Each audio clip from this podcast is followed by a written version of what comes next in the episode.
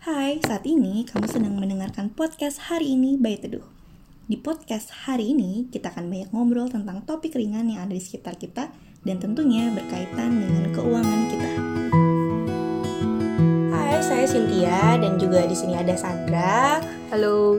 Hai, jadi kita mau lanjutin ya San ngobrolin soal keuangan dan perempuan. Jadi kan yang di episode kemarin sebelumnya kita udah bahas soal eh, ibu rumah tangga dan pengelolaan keuangan supaya dia mengelola keuangan dengan efektif ya San ya. Full time mom ya. Full time mom ya. Nah, sekarang kita mau ngobrolin yang peran ibu yang satu lagi nih Ma- eh, San yang bekerja. Jadi kan memang eh, peran ibu tuh bisa macam-macam ya. Ada salah satunya bekerja sebagai karyawan atau mungkin juga jadi wirausaha. Ah, iya. Pokoknya kerjanya macam-macam ya. Banyak. Banyak. Nah, kita nih sekarang mau ngobrolin gimana kalau eh, si ibu ini perempuan ini eh, bekerja tapi pekerjaannya full time. Jadi yang Oh, oke. karyawan Working- ya, yang working karyawan mom ya. working mom yang karyawan. Jadi yang eh, kerjanya tuh full time nih, Eh, nggak bukan yang eh, Kalau ya freelancer. freelancer itu kan biasanya lebih lebih, Lebih- mungkin lebih fleksibel kan Ya, ya, waktunya, gitu, waktunya ha. gitu. Nah kita kan eh, sebenarnya kenapa sih menurut kamu alasan seorang ibu eh, untuk bekerja full time?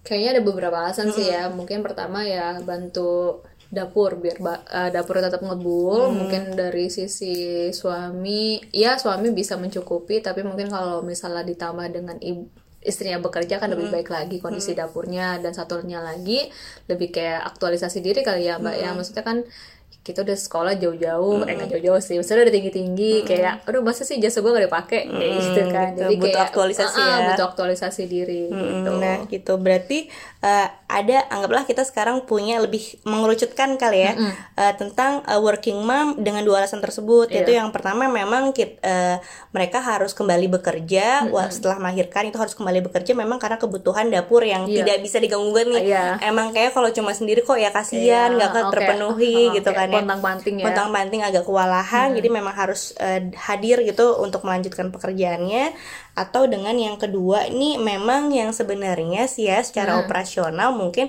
dari pihak suaminya sudah memenuhi ya kebutuhan princess princess ya Eh, ya.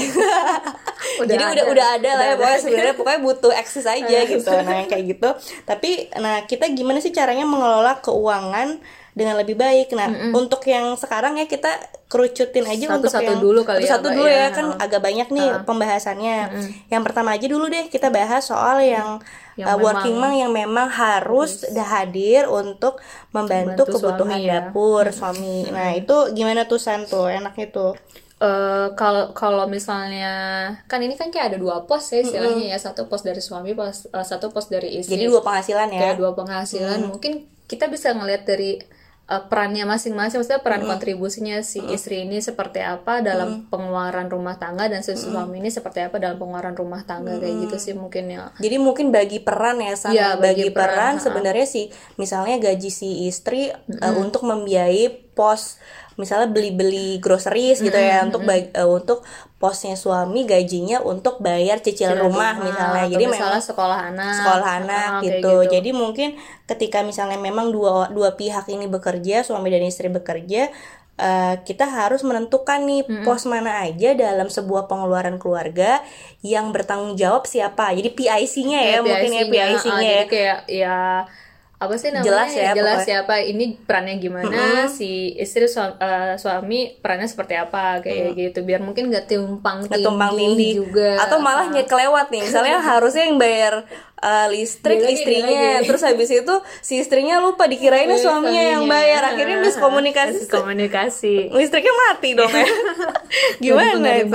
bayar. Ya. Jadi memang dari awal mungkin ketika memang sudah tahu ada dua pos penghasilan dan memang pengeluarannya biasanya kan satu yang namanya juga dalam Iya, sebuah hmm, rumah kita sudah bisa harus petakan nih mana yang memang porsi pembiayaan untuk si suami jadi PIC tanggung jawab sama yang mana yang porsi dari istrinya nah kalau untuk kebutuhan eh, tabungan tuh gimana tuh San ya menurut kamu ya? Kalau kita udah kan sebenarnya kita masing-masing udah punya penghasilan nih. Itu perlu nggak sih kita punya tujuannya sendiri-sendiri atau memang kita harus mendahulukan dulu tuh tujuan keuangan keluarga gitu? Karena udah jadi satu atap lah ya. Hmm. Maksudnya kayaknya memang yang kita prioritaskan adalah kebutuhan keluarga, tapi hmm. tidak mengindahkan kebutuhan kita secara hmm, pribadi. Nah, gitu. Nah, itu mungkin perlu ada kesepakatan dulu kali ya sama pasangan gitu kan. Maksudnya kayak apa nih yang jadi tujuan keuangan keluarga karena kalau seandainya si istri maunya A, si suami maunya B, takutnya kan nggak tercapai gitu tujuan keuangannya. Ada ada kesepakatan-kesepakatan yang memang perlu didiskusikan sama pasangan masing-masing kali ya, Mbak ya. Iya, iya juga sih kayaknya. Maksud ya, misalnya gini ya, salah satunya yang mungkin jadi tujuan keuangan bersama biasanya terkait dengan anak ya. Mm-hmm. Misalnya mau menentukan tujuan pendidikan anak, mm-hmm. mencapai dana pendidikan anak pada tingkat tertentu. Iya betul. Bisa jadi sih kalau saya sih lebih menyarankan salah satu pihak berperan sebagai manajer keuangan. Mm-hmm. Misalnya si ibu mm-hmm. ini mm-hmm. uh, working momnya bertindak sebagai manajer keuangan. Mereka sudah tahu nih target dana pendidikan misalnya mm-hmm. yeah. untuk anaknya kuliah misalnya mencapai misalnya 150 juta mm-hmm. anggaplah ya. Mm-hmm. Kan hitungannya bisa beda-beda 150 mm-hmm. juta. Nah, mm-hmm. berarti tiap bulan ada kontribusi dari si suami untuk uh, memberikan uangnya kepada hmm. istri untuk uh, tujuan dana pendidikan anak gitu. hmm. gitu.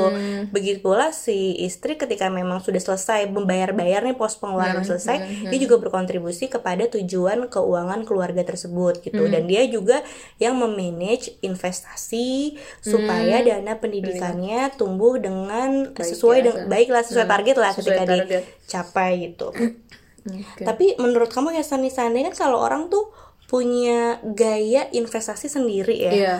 Kalau misalnya misalnya nih ya mm -hmm. kan memang beda-beda. Terus mm -hmm. kayak suaminya tuh tipe orang yang lebih agresif mm -hmm. dalam hal investasi mm -hmm. gitu misalnya.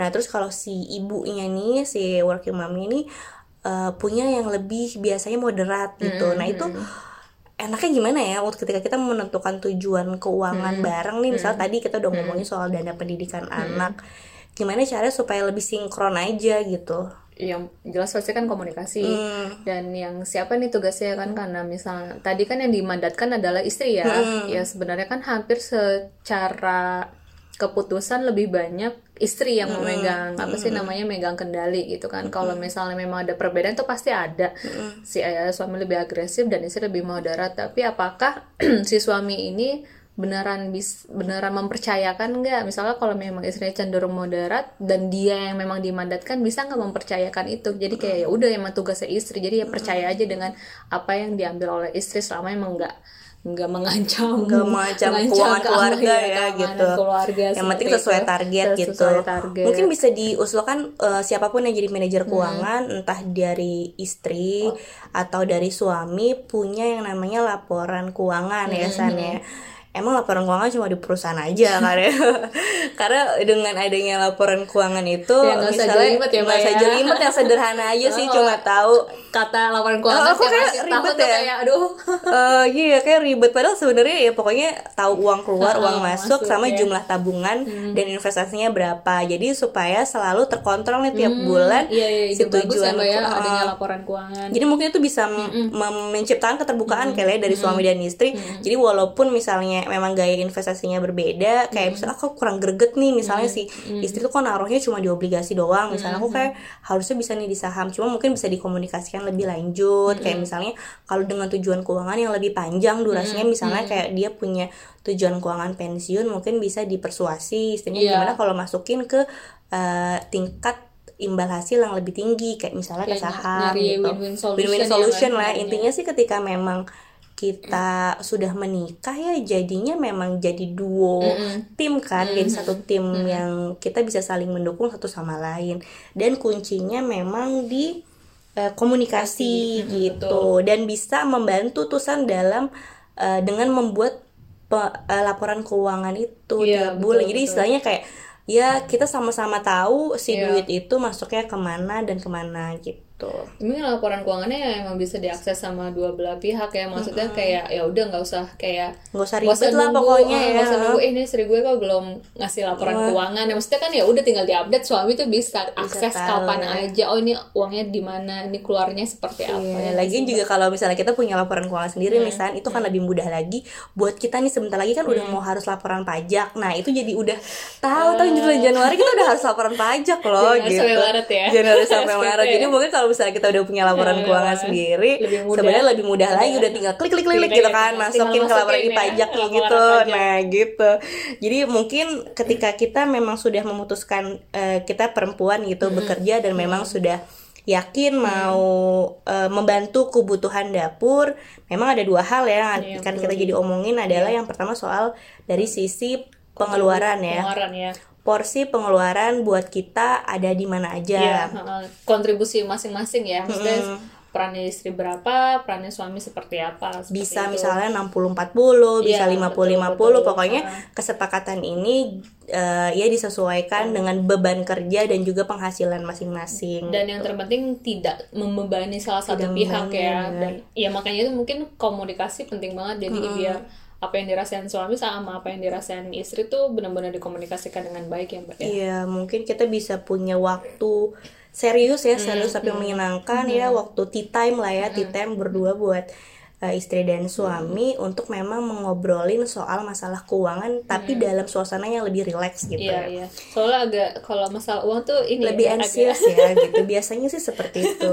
Jadi memang kalau kita memang udah terbiasa uh, ngobrolin soal uang yang awalnya agak Iya, canggung ya iya, nanti lama ya. kelamaan pasti yang lama kelamaan nanti bisa lebih rileks lagi. Jadi tadi yang pertama udah kita ngomongin soal pembayaran. Pembayaran ini porsi-porsi operasional dengan pembagian yang memang disesuaikan ya Iya, sesuai dengan kebutuhan nah yang kedua nih yang paling yang juga penting adalah uh, kita menentukan secara bersama tujuan keuangan Keuangan keluarga, keluarga, iya, betul. dan berapa kontribusi yang bisa diberikan oleh masing-masing pihak Iya gitu. betul betul ya. Heeh. Ya yang karena udah satu keluarga ya, jadi bukan yang saya dan dia, tapi ya kita gitu Mm, kan. kita jadi kita bisa punya yang namanya tujuan keuangan keluarga nih yang benar-benar kita kontribusinya dari masing-masing pihak dan juga tapi tidak juga perlu kita mengindahkan Iya, keinginan, keinginan kita, ya biasanya kan kita juga punya Iya. Karena kan kita pada dasarnya dalam makhluk individu kan kita punya punya apa ya? Punya tujuan aspirasi sendiri-sendiri, tapi kan dikomunikasikan agar tidak bentrok dengan eh, tujuan keluarga. Betul. Terus kayak misalnya kita juga jangan sampai ngerasa bahwa oh, gue eh, kerja udah capek gitu. Saya udah kerja capek tapi kok tidak menikmati hasil kerjanya cuma bayar-bayar aja kan. Ya jangan sampai gitu. Kita juga butuh yang namanya reward ya. Iya, itu juga sama yang kita udah obrolin ya pas yang kita working mom Iya, itu iya. kita perlu yang namanya reward, Self-rewarding, self reward. Self reward tuh nggak perlu harus Yang eh, mahal. mahal sih. Kayak misalnya harus ke Bali gitu kan Iya, ya enggak heeh. juga ya. Yang receh-receh Yang tuh juga bisa memberikan sparkling ya. Iya, sparkling. Kayak water ya. sparkling water. Ya pokoknya memang harus pinter-pinter lah kita Iya, menentukan tujuan keuangan buat diri sendiri dan juga tujuan keuangan dengan keluarga, gitu. Nah, ada lagi nih San.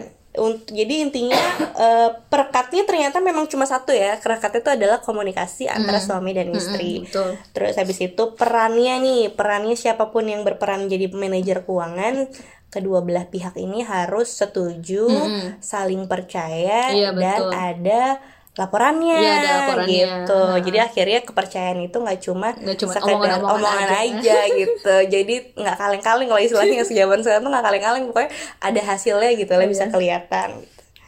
Nah, abis itu kita mau ngobrolin yang kedua nih yang tadi kita mau bahas Tan. Oh yang yang ini ya, soal karena- kalau misalnya si istri ini ternyata memang butuh bekerja bukan kar udah bukan karena biaya operasional lagi Oh, iya. karena sebenarnya dari sisi penghasilan suami sudah sangat mencukupi Iya, tapi betul. memang ada kebutuhan buat eh, kita untuk juga berkarya, berkarya.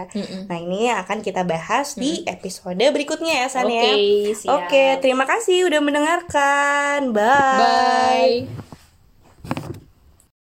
Terima kasih kamu telah mendengarkan podcast hari ini by Teduh. Di episode berikutnya, kita masih akan ngobrol tentang topik menarik seputar kehidupan dan keuangan. Jangan lupa untuk sisihkan waktu buat dirimu hari ini.